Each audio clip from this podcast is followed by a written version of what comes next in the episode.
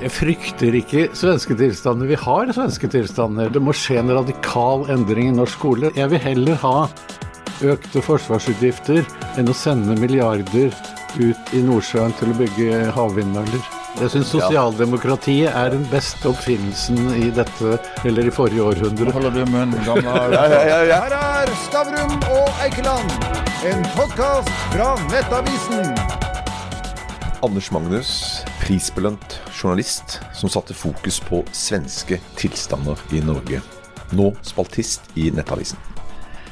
Helt aktuell fordi at eh, to herrer på venstresiden, Magnus Marsdal og Mimi Kristiansson, hadde en hel podkast hvor de raljerte med Anders Magnus. og du var ikke invitert, men hva ville du ha sagt hvis du hadde vært der? Jeg ville argumentert for mitt syn, rolig og saklig, tror jeg. Eh, helst med litt humor, kanskje. Jeg hadde jo trodd at disse to guttene skulle være litt humoristiske og kanskje også være litt enige med meg. Eh, fordi jeg tror egentlig det er mange på venstresiden som er ganske enig i det jeg sier om eh, at islam er en faktor i det vi ser nå med, med tvangsekteskap og, eh, og æresvold. Uh, og jeg tror egentlig de er enig i det også. Så hvorfor de skulle skjelle meg ut i 20 minutter, det skjønner jeg ikke helt. Det var ikke hele programmet, da. Det skal de ha. De hadde også med to, uh, to saklige innslag med Sara Gaulin og Shakeel Rehman. Og det var visst veldig bra. Uh, men, men nå har jeg fått en beklagelse fra Magnus Marsdal, særlig fordi at han var så barnslig, som jeg sa, og kalte meg en eh, aldrende herre. Ja, men du er jo det. Ja, jeg er jo det. Det er jo det, og det er jo ikke noe mot å bli kalt det, men, men, da, men det har ingenting med saken å gjøre. Men altså, aldrende herre bør også få lov med én ting.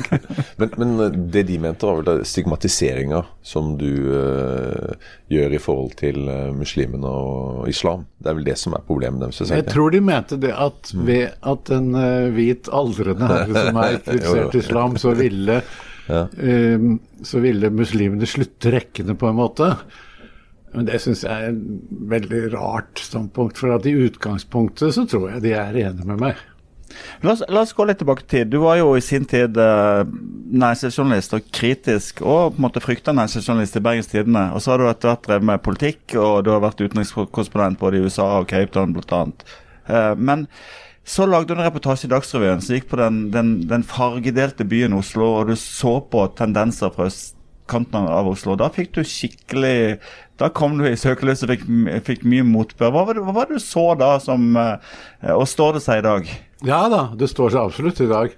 Det jeg eh, laget en reportasje om da, var fra barnehager eh, i Oslo øst, hvor det var én barnehage som var nede i blokkområdet, hvor det bare var brune barn, som jeg kalte dem. Og så var det en annen barnehage litt lenger opp i villastrøket hvor det bare var hvite barn. Så allerede da var segregeringen godt i gang. Og det var jo akkurat det jeg ønsket å sette søkelyset på, segregeringen i Oslo. Og så fikk jeg masse kjeft. Eh, altså Folk tok jo ikke tak i problemet, de tok bare tak i ordbruken. Det gikk ikke an å kalle noen for brune. Jeg syns det går fint an å kalle folk for brune. Det er en helt grei hudfarge, akkurat som vi blir kalt for hvite, selv om vi er litt lysere i huden. Ja, og bare for å dra inn det, Du har to adoptivbarn fra, fra, fra Latin-Amerika som da er brune i huden.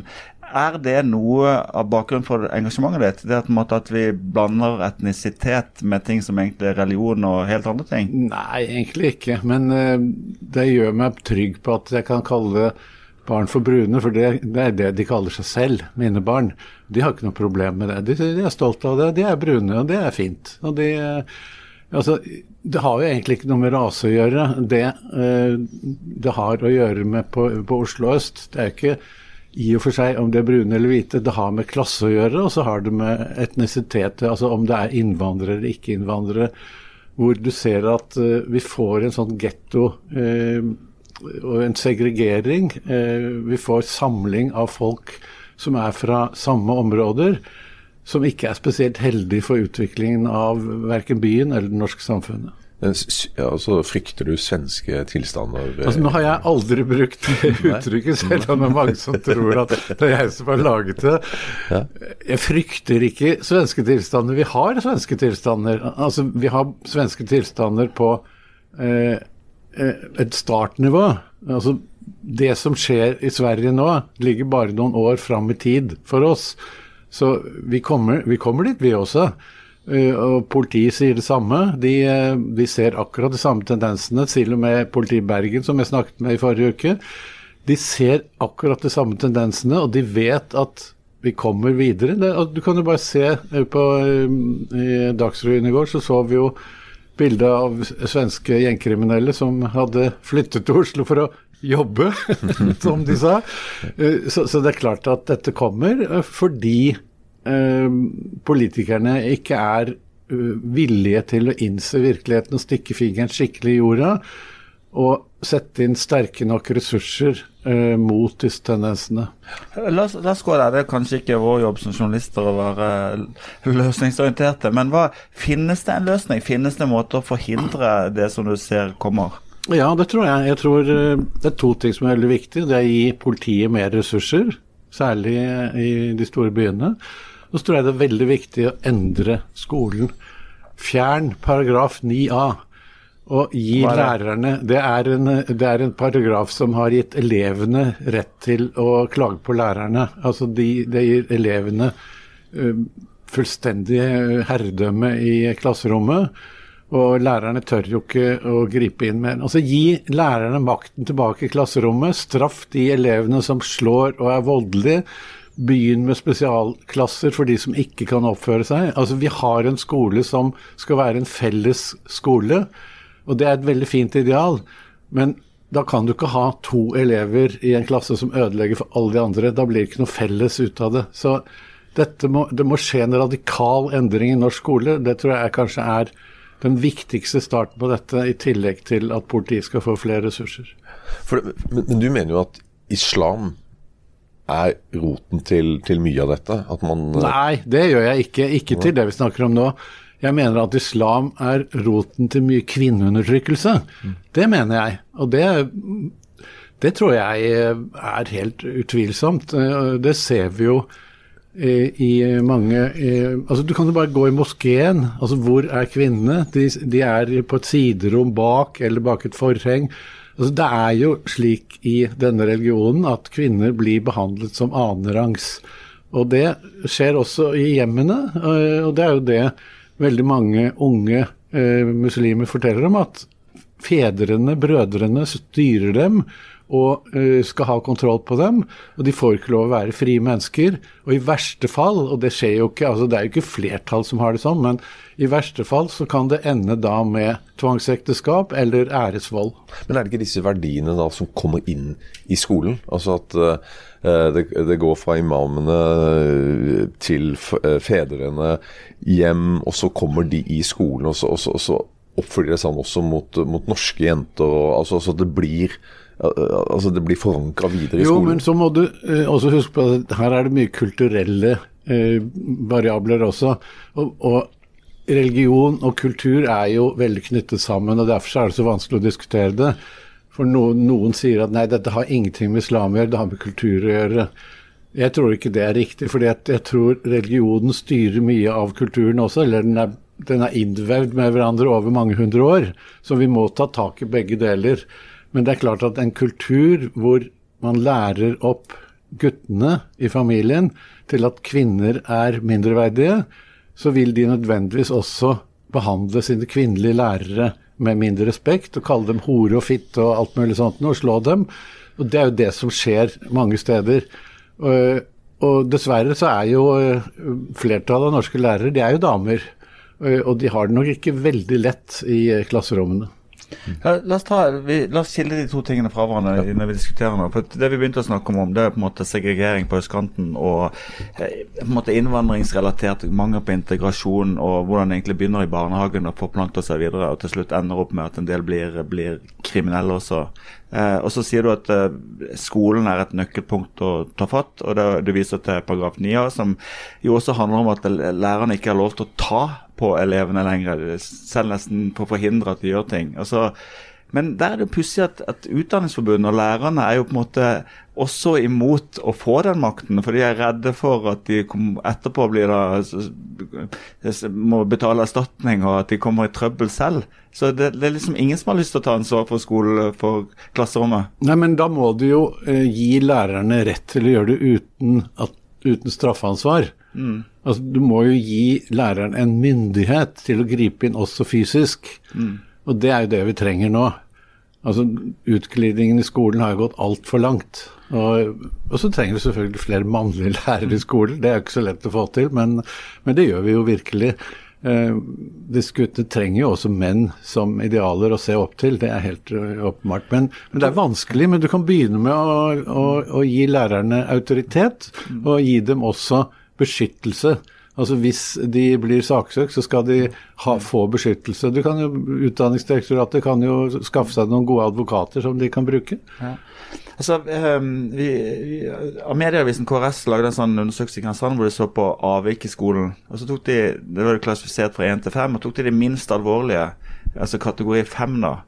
Blant de var f.eks. gravid lærer sparket i magen av elev, truet med kniv. Det var sånn det minst alvorlige. Ja, det er jo helt forferdelig. Altså Hvis dette hadde skjedd på en annen arbeidsplass, så ville det blitt svær sak. Mm. Det ville blitt rettssak, det ville blitt straffeforfulgt. Mm.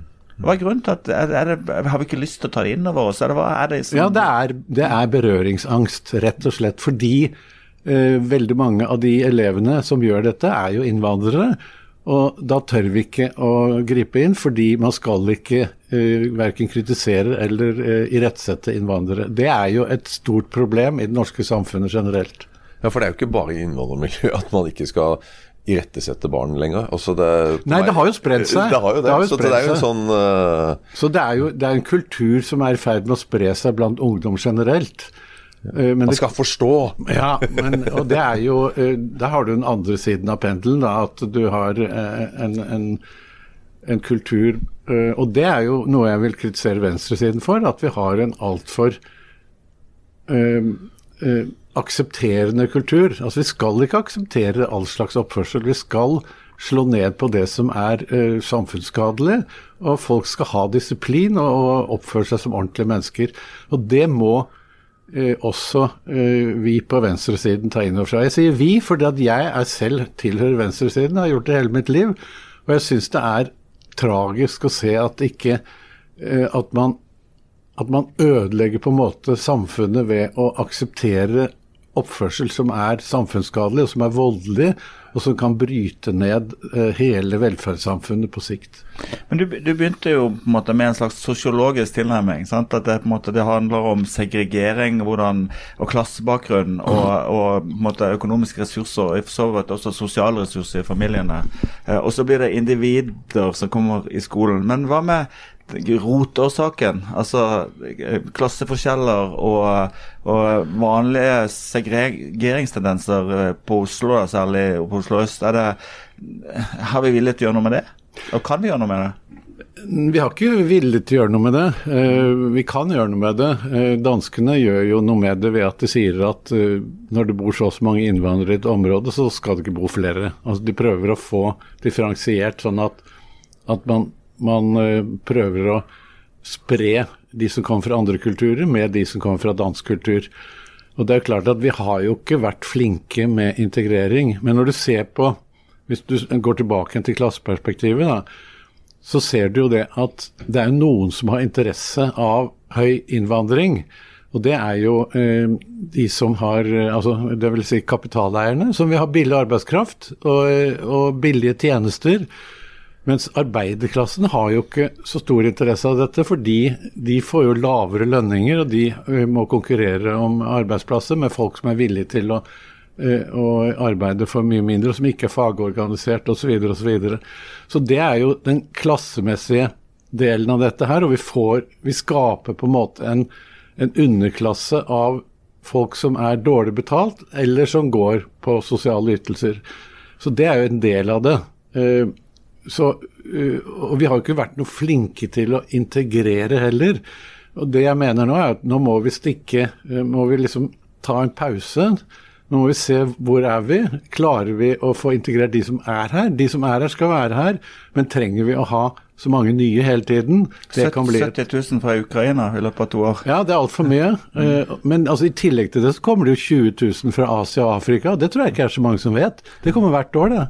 Så, så det du sier, for, for nå er det ca. 1 million uh, innvandrer, eller med innvandrerbakgrunn i Norge. Så det vil si en femtedel av norsk En femtedel av befolkningen. Ja, så, så det du sier, er at man nå må vi bare sette stopp uh, en stund? Er Ja, jeg tror det. Altså, det er klart. Altså, jeg vil gjerne tilbake til en situasjon hvor asylinstituttet, altså der asylinstituttet hadde en mening, og det det var ment som. Sånn som etter annen verdenskrig så skulle man ta imot politiske flyktninger. Det vil jeg gjerne fortsette å gjøre. Men det har jo i stor grad nå blitt å ta imot eh, innvandrere som søker eh, til Norge, først og fremst av økonomiske årsaker. Og, og selvfølgelig også de fra Ukraina som søker beskyttelse mot krig. Men, men eh, også de fra Ukraina. Altså, vi må jo bare innse at vi klarer ikke å ta imot hele Ukraina heller. Vi må, vi må snu eh, tankegangen. Vi må se, altså Nå har det vært en sånn rettighetsbasert tankegang. Alle har rett til å komme til Norge, alle har rett til å søke asyl. Vi må snu det og si hva blir konsekvensene av innvandringen, og begynne der. Hvilke konsekvenser for det norske samfunnet klarer vi å hanskes med? Og så begynne eh, politikken derfra. Det, det er interessant å bare bore litt dypere i, i for så vidt motsetningene på venstresiden. og liksom, Særlig siden vi begynte med Magnus Marsdal og, og Mime Kristiansson.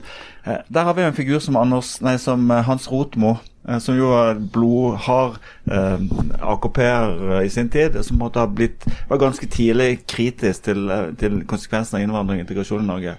Eh, Så noen deler av venstresiden ser akkurat det du snakker om, at dette er ikke den norske arbeiderklassen tjent med. Mens andre, hva er det som driver de? Er det på en måte en slags godhetsprojeksjon, eller hva er, det, hva er det som gjør at ikke de ser det du peker, det du peker på? Jeg vet ikke, men jeg, altså Da jeg var i SV i min ungdom Jeg begynte jo der, jeg beveget meg over til Arbeiderpartiet, men Sosialistisk Folkeparti da du var der, eller? Nei, det var ikke, Det var SV. det var SF ikke så gammel, du. Det var SV. Og da var vi jo veldig opptatt av å kritisere eh, kvinneundertrykkelse, eh, religiøse, eh, konservative, altså de som er mot homofili og alt dette her. Og det er det blitt helt slutt med nå. Og jeg vet ikke helt hvorfor det har blitt sånn, men jeg har inntrykk av at uh, at venstresiden nå er mer opptatt av å forsøke å være inkluderende. Men de er jo ikke det. For det, det som skjer, er at man rett og slett bare prøver å skyve problemene vekk. Altså Vi vil ikke høre om det. Og det er jo det samme som har skjedd i Sverige. Istedenfor Altså det er jo Sverige er et veldig segregert samfunn, og alle de menneskene i Sverige som, som har sagt at ja, men bare la de komme hit, og vi, vi kan ta imot alle og sånn, de, de har jo ikke noe med eh, de som kommer å gjøre. De, de, de, altså de har jo ingen samhandling. Det jo, blir jo to helt forskjellige samfunn. Og det er det vi må unngå i Norge. Vi må eh, altså Hvis venstresiden hadde vært opptatt av integrering, så hadde det jo på mange måter vært mye mer interaksjon med de som kommer. Eh, men det klarer man jo ikke hvis det blir så mange at de danner sine egne grupper, sine egne samfunn som er ugjennomtrengbare. Så, så, så jeg tror det er en Det har vært en sånn ønske om å være snill og god, det tror jeg nok, eh, som, man, som har vært helt misforstått. Men, men, men tror du ikke også noe av problemet nå, at de kanskje har litt berøringsangst på venstresida? At nå var det én million som kommer med innvandrerbakgrunn eh, i Norge, og veldig mange av de stemmer vel på venstresida? Jeg tror, jeg tror ikke det. Altså det, det sier man i Fremskrittspartiet og kanskje Høyre og sånn, men jeg tror ikke det. Jeg tror ikke det er derfor. Jeg, Ja, men- men tar du ja, men de gjør jo ikke det. Altså, poenget er at de stemmer jo ikke. Altså, eh, hvis du ser på, på eh, valgdeltakelsen blant innvandrere, så er den kjempelav. Og dessuten i Groruddalen nå så sluttet de å stemme på Arbeiderpartiet eh, fordi at Arbeiderpartiet gikk sammen med MDG om disse her innstrammingen av parkeringer og alt mulig sånt, som innvandrere er helt avhengig av. De er jo avhengig av å bruke bilen. Eh, Så, så, så det, det der kan fort eh, skifte. Så jeg tror egentlig ikke det er det. Jeg tror, jeg tror berøringsangst og ønske om å være snill og god og om, omfattende, og omfatte mangfoldet uten at man egentlig gjør det, jeg tror det er hovedårsaken. Så En veldig interessant ting er jo, at, at, blant den norske innvandrerbefolkningen så er det ikke sånn at de er veldig liberale til mer innvandring. Det er ganske mange Nei. som er faktisk ganske kritiske Ja, veldig. Ja, Se på Masud Gharahkhani. Nettopp. sant? Han er jo den mest innvandringskritiske i Arbeiderpartiet. Ja. Men han får ikke gjennomslag. Nei. Og Hadia Tajik er jo for forbud mot barnehijab. Ja. Men hun får ikke gjennomslag i partiet. Nei. Det jo, altså, så det er jo, det er jo eh, altså, Denne misforståtte liberaliteten, den eksisterer jo hos de som eh, Altså hos etnisk norske som har en slags dårlig samvittighet, da. Men eh, la, la, oss, la oss bore litt i det, altså denne misforståtte liberaliteten. Og i og for seg, da går vi litt over til, til kultur, religion, islam, æresvold og kvinneundertrykkelse. Altså, hvordan forklarer vi at, vi at mange på venstresiden, for så vidt også noen på høyresiden, aksepterer skikker og holdninger som hadde blitt totalt fordømt hvis det hadde vært det kristne samfunn som hadde stått for det samme i Norge? Men det aksepterer de fordi det er en annen kultur. Vi skal forstå andre kulturer. Jeg mener vi ikke skal forstå det. Vi skal ta avstand fra eh, ting som er skadelige i andre kulturer, og si at i Norge har vi det ikke sånn. Eh, Men, men jeg tror det er hovedårsaken. En sånn kulturrelativisme, vil jeg kalle det. Men, men du har jo eh, altså Én er jo barnehijab, som du mener du skal være forbud mot. Men, men du har jo lista opp en, en rekke relativt drastiske tiltak. Bl.a. Blant annet at du vil at imamene skal snakke norsk i moskeene. Ja, det syns jeg bør være et uh, krav, absolutt. Men også en rekke andre krav. Ja. Som, Bare liste opp, du. Jeg, ja, skal jeg bare liste opp? Altså, altså Likebehandling av kvinner og menn i moskeene, slik at kvinner får like framtredende plass under fredagsbønnen som menn. Altså det er, Det er ikke akkurat et ekstremt forslag. jo, jo, men det er jo ekstremt i islam. Ja, det er Ja, men det. Ja, nei, jeg er jo helt jeg er jo enig med det. Det er ikke noe sånn, men det er jo ekstreme tiltak som, som kanskje tar litt tid å, Ja, men å, å la oss sette listen litt høyt, og så får vi se hvor langt vi kommer, da. Men altså, begynne å snakke om det. Det er det jeg vil. At folk skal begynne å snakke om det. Altså Hvis du ser f.eks. Eh, altså, det er ofte du ser bilder av norske politikere som besøker moskeer. Så er de omgitt av eh, 20 menn, f.eks. Altså, da må du begynne å tenke selv. Hva er det vi er med på her? Hva er det vi, er det vi forsvarer? Burde ikke Støre, hvis han er omgitt av 20 menn, burde han ikke si noe om det? Si at dette her, sånn kan vi ikke ha det.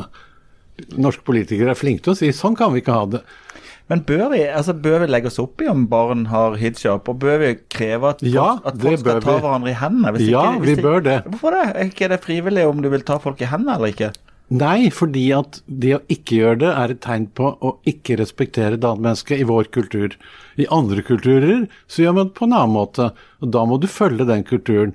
I mange land i Asia så gjør man så- altså man, man tar hånden på hjertet, f.eks.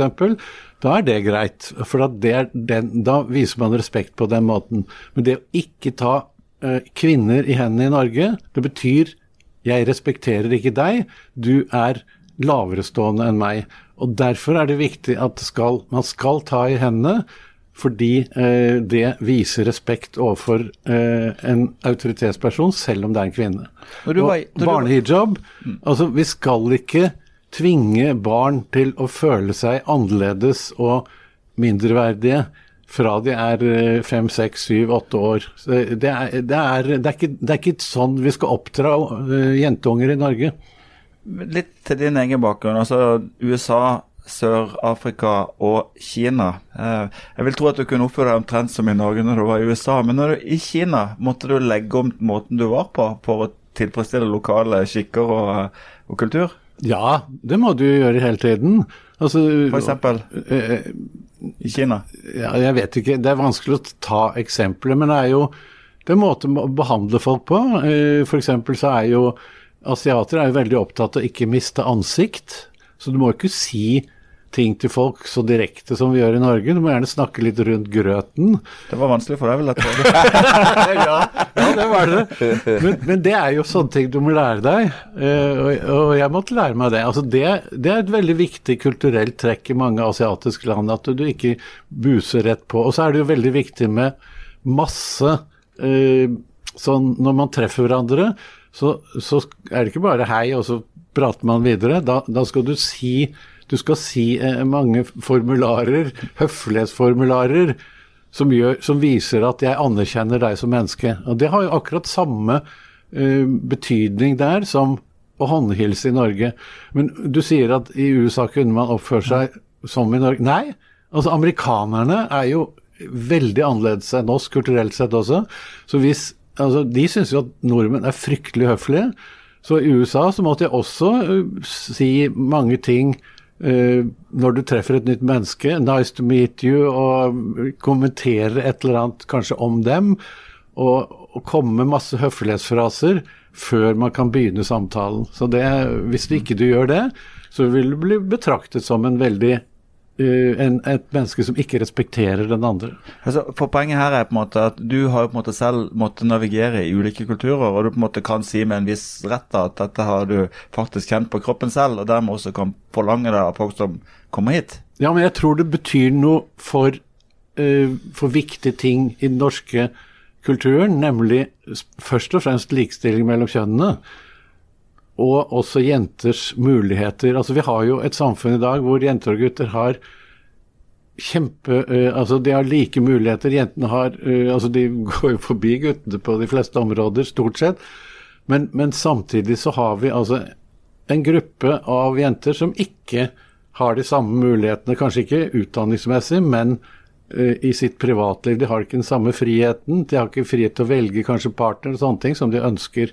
Så dette må vi gjøre noe med. Ja, og, og hadde du vært kvinne og vært f.eks. korrespondent i et uh, muslimsk land, så måtte jo du ha tilpassa deg både klesdrakt og, og væremåte. Ja, det gjør, det gjør, jo de fleste. Ja, ja, men det er jo sånn det er. Man tilpasser seg, ikke sant. Så, men, men, men, jeg tenker litt sånn uh, Du ha, ha, er jo på venstresiden i politikken. Du var veldig radikal. Uh, blitt litt mindre radikal. Jeg er sosialdemokrat. Jeg syns sosialdemokratiet ja. er den beste oppfinnelsen i dette, eller i forrige århundre. Nå holder du munnen, gamle ja, ja, ja, ja, Jeg skal jo begynne å synge sangen. Vi er, nei da. Men, men, men, men, men uh, det jeg lurer på da uh, når, når, du har tatt den kampen du gjør nå Uh, har, du, har, du, blitt voka av uh, the establishment? Altså Har du følt at uh, nå nå er det tiltak for nei. nei? Altså, jeg Det er mange som sier til meg, Anders nå kommer du til å få masse kritikk. Jeg har ikke fått det. Eh, det er veldig lite. og jeg eh, altså Det eneste har vært fra Marsdal og Mimir.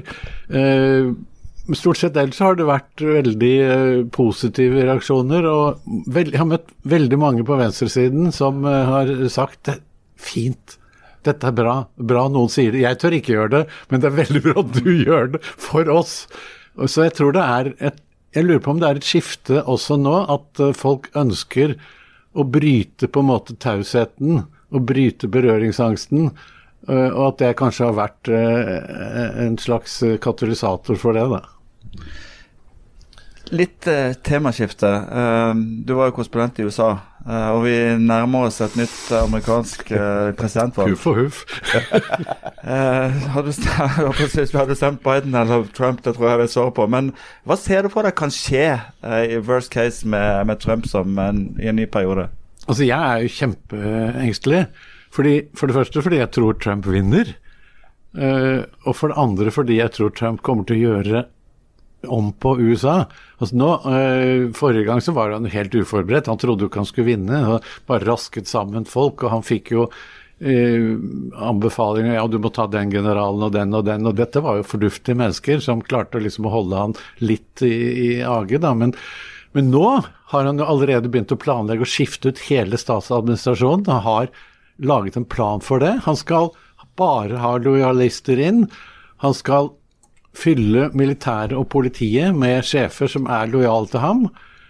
Og så uh, sier han jo selv at paragraf 2 i Grunnloven gir meg rett til å gjøre hva jeg vil. Så han kommer til å bruke den, sid forståelse av paragraf 2 i Grunnloven til å gjøre hva han vil. Og jeg tror han kommer til å uh, ødelegge uh, statsstyret i USA. og Altså fjerne på en måte maktfordelingen i uh, det amerikanske samfunnet. Og jeg er stygt redd for at Trump kommer til å sitte også etter at hans periode egentlig går ut. At han vil avlyse neste valg. Jeg tror hans store drøm det er å bli en autoritær leder. og Det er derfor han er så glad i Putin og Xi Jinping.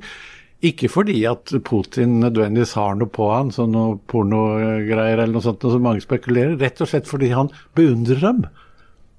Men det er, jo, det er jo en ganske uh, si? Dystopisk. ja, dystopisk er vel ikke et riktig ord. Altså, Du ser jo egentlig for deg Trump som en slags Putin i USA. Ja, altså jeg tror han kan bli en autoritær leder.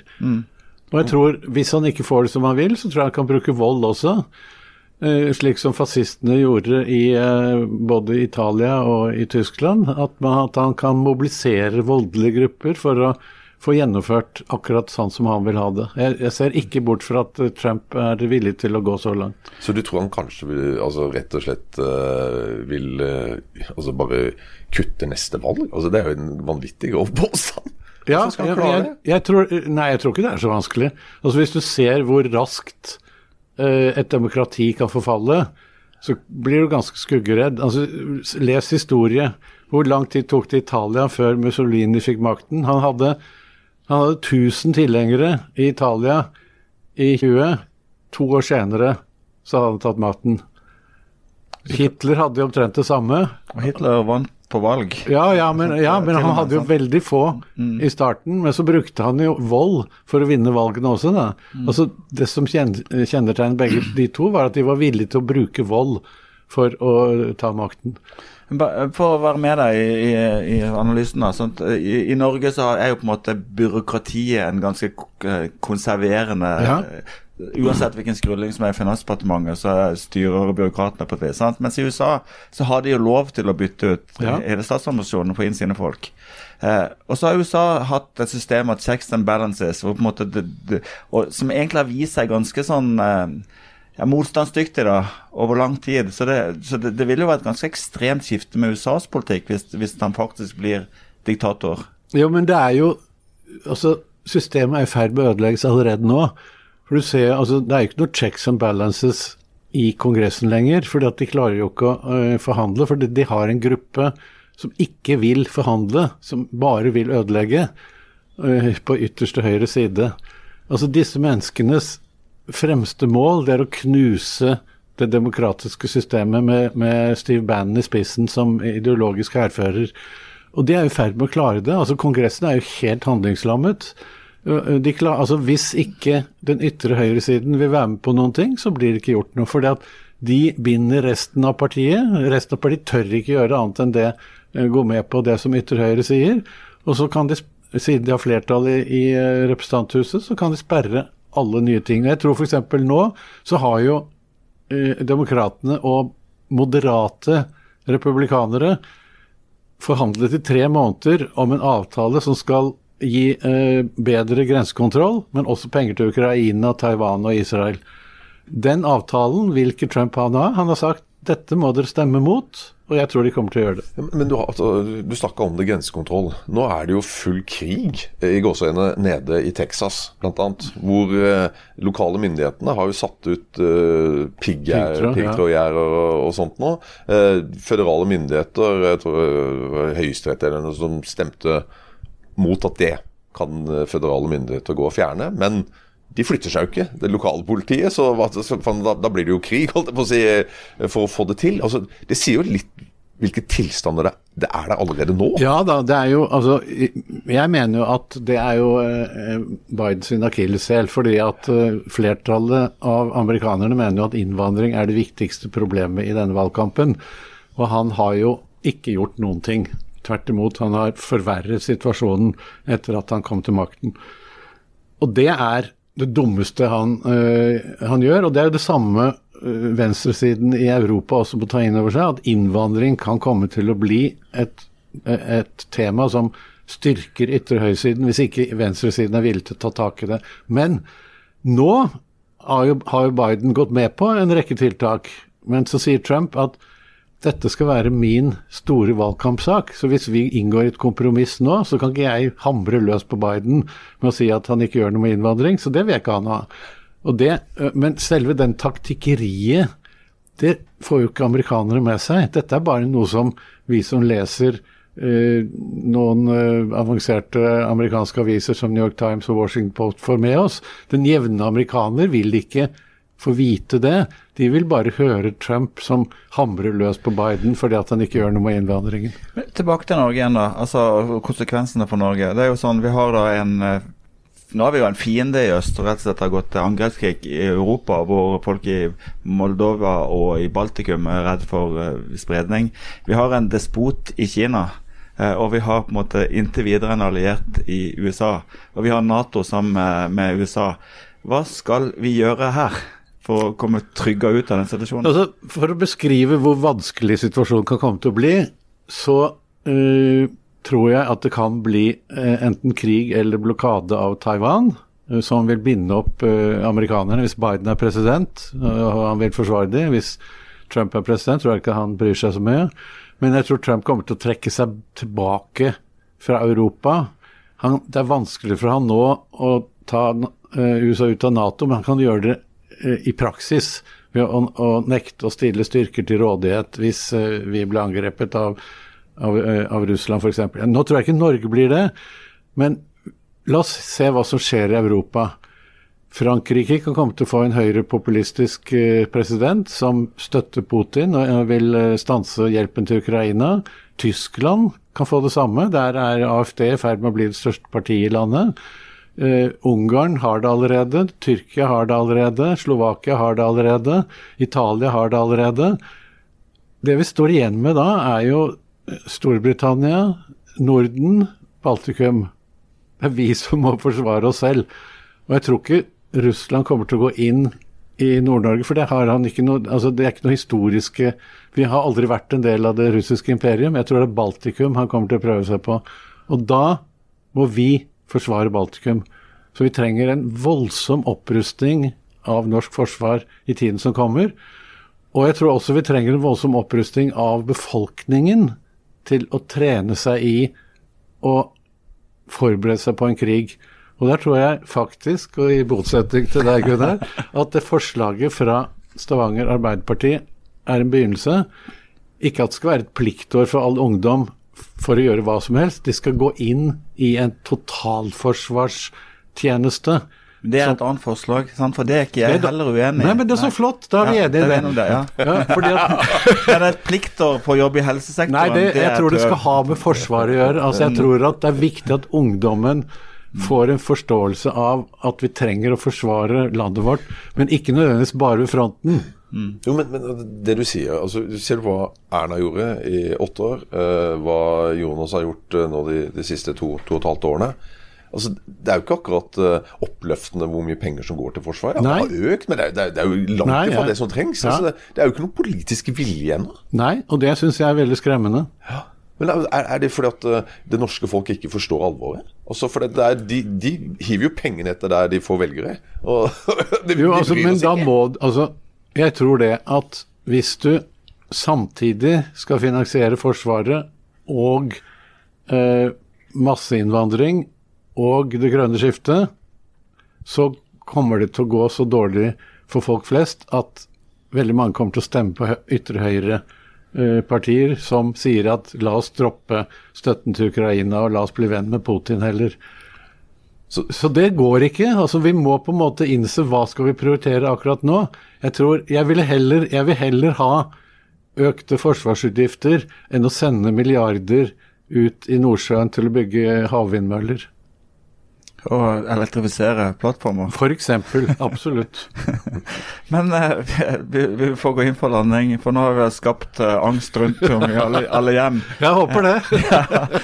ja, men for du, du, håper det, for du faktisk også rett og slett mener dette? At hvis ikke ja. vi tar oss sammen nå, så ja. er det veldig, veldig farlig. Ja, jeg håper at folk får øynene opp, fordi at jeg, jeg mener vi lever i en krigstid, men også i en førkrigstid. Og jeg er veldig redd for at vi kan komme til å se tredje verdenskrig i løpet av neste tiåret. Du fikk Stavrum og Eikeland, en podkast fra Nettavisen.